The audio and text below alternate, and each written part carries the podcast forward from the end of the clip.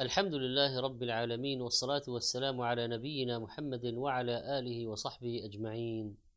أيها الإخوة والأخوات، السلام عليكم ورحمة الله وبركاته وبعد.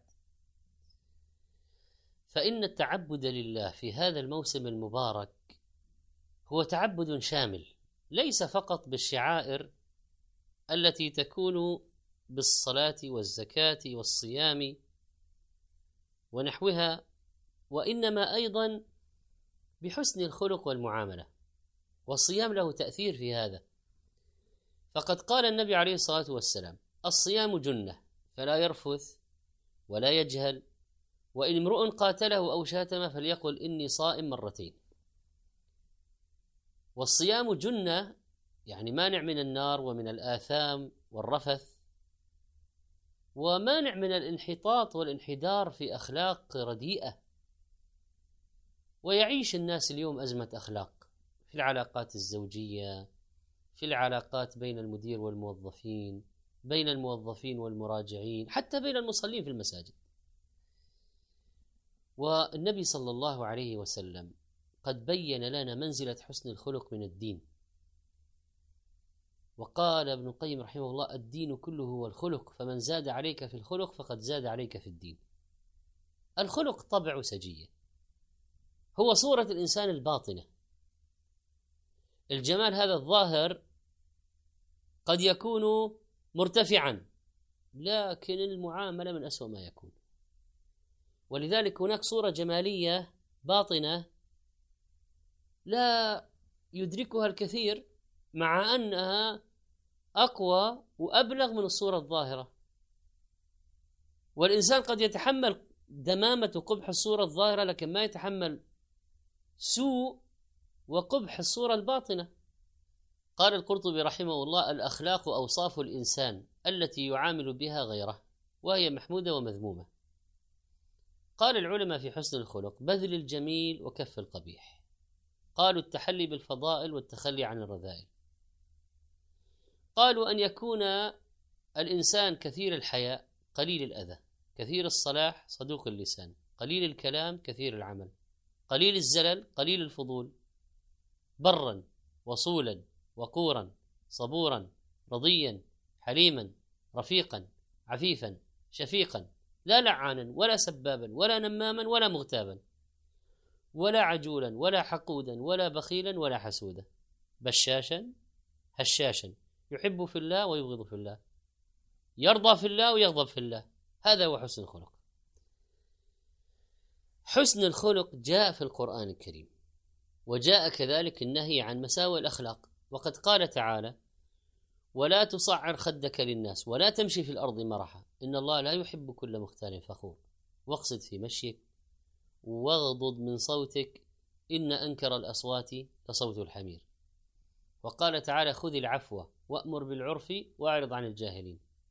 وقال تعالى وعباد الرحمن الذين يمشون على الأرض هونا وإذا خاطبهم الجاهلون قالوا سلام.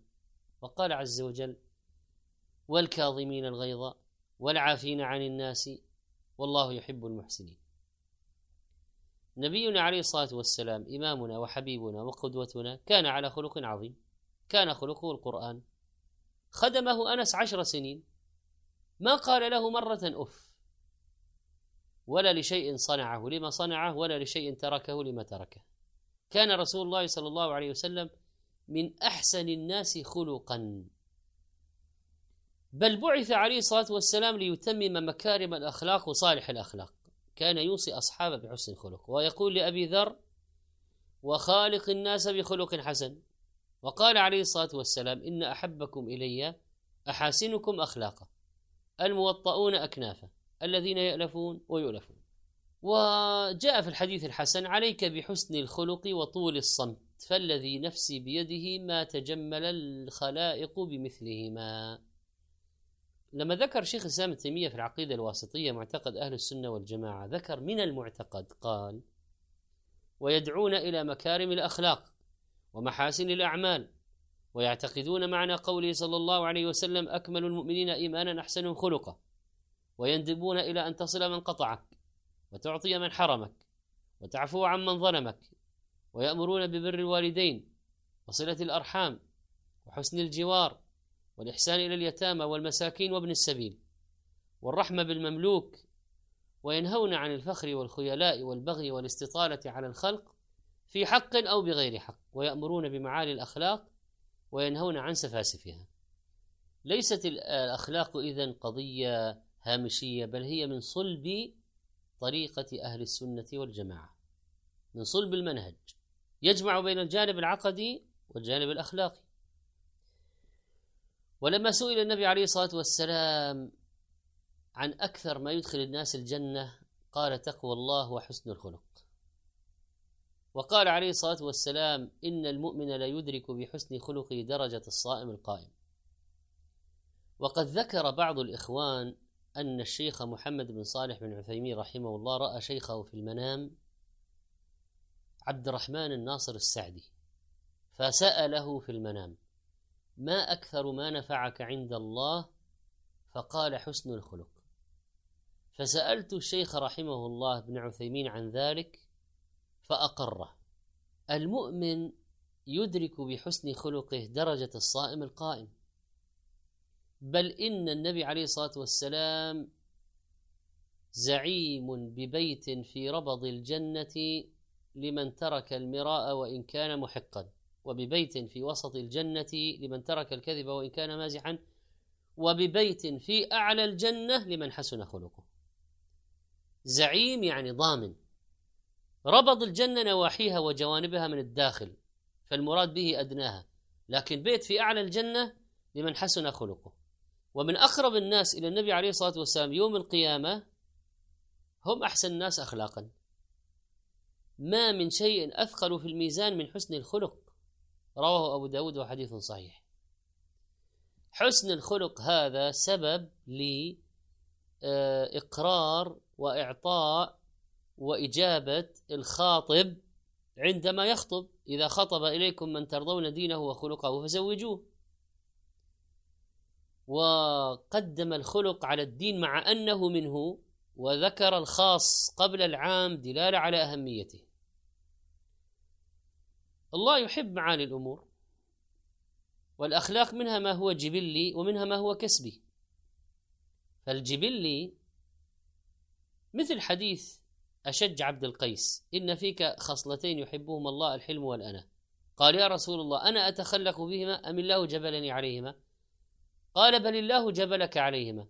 قال الحمد لله الذي جبلني على خلتين يحبهما الله ورسوله.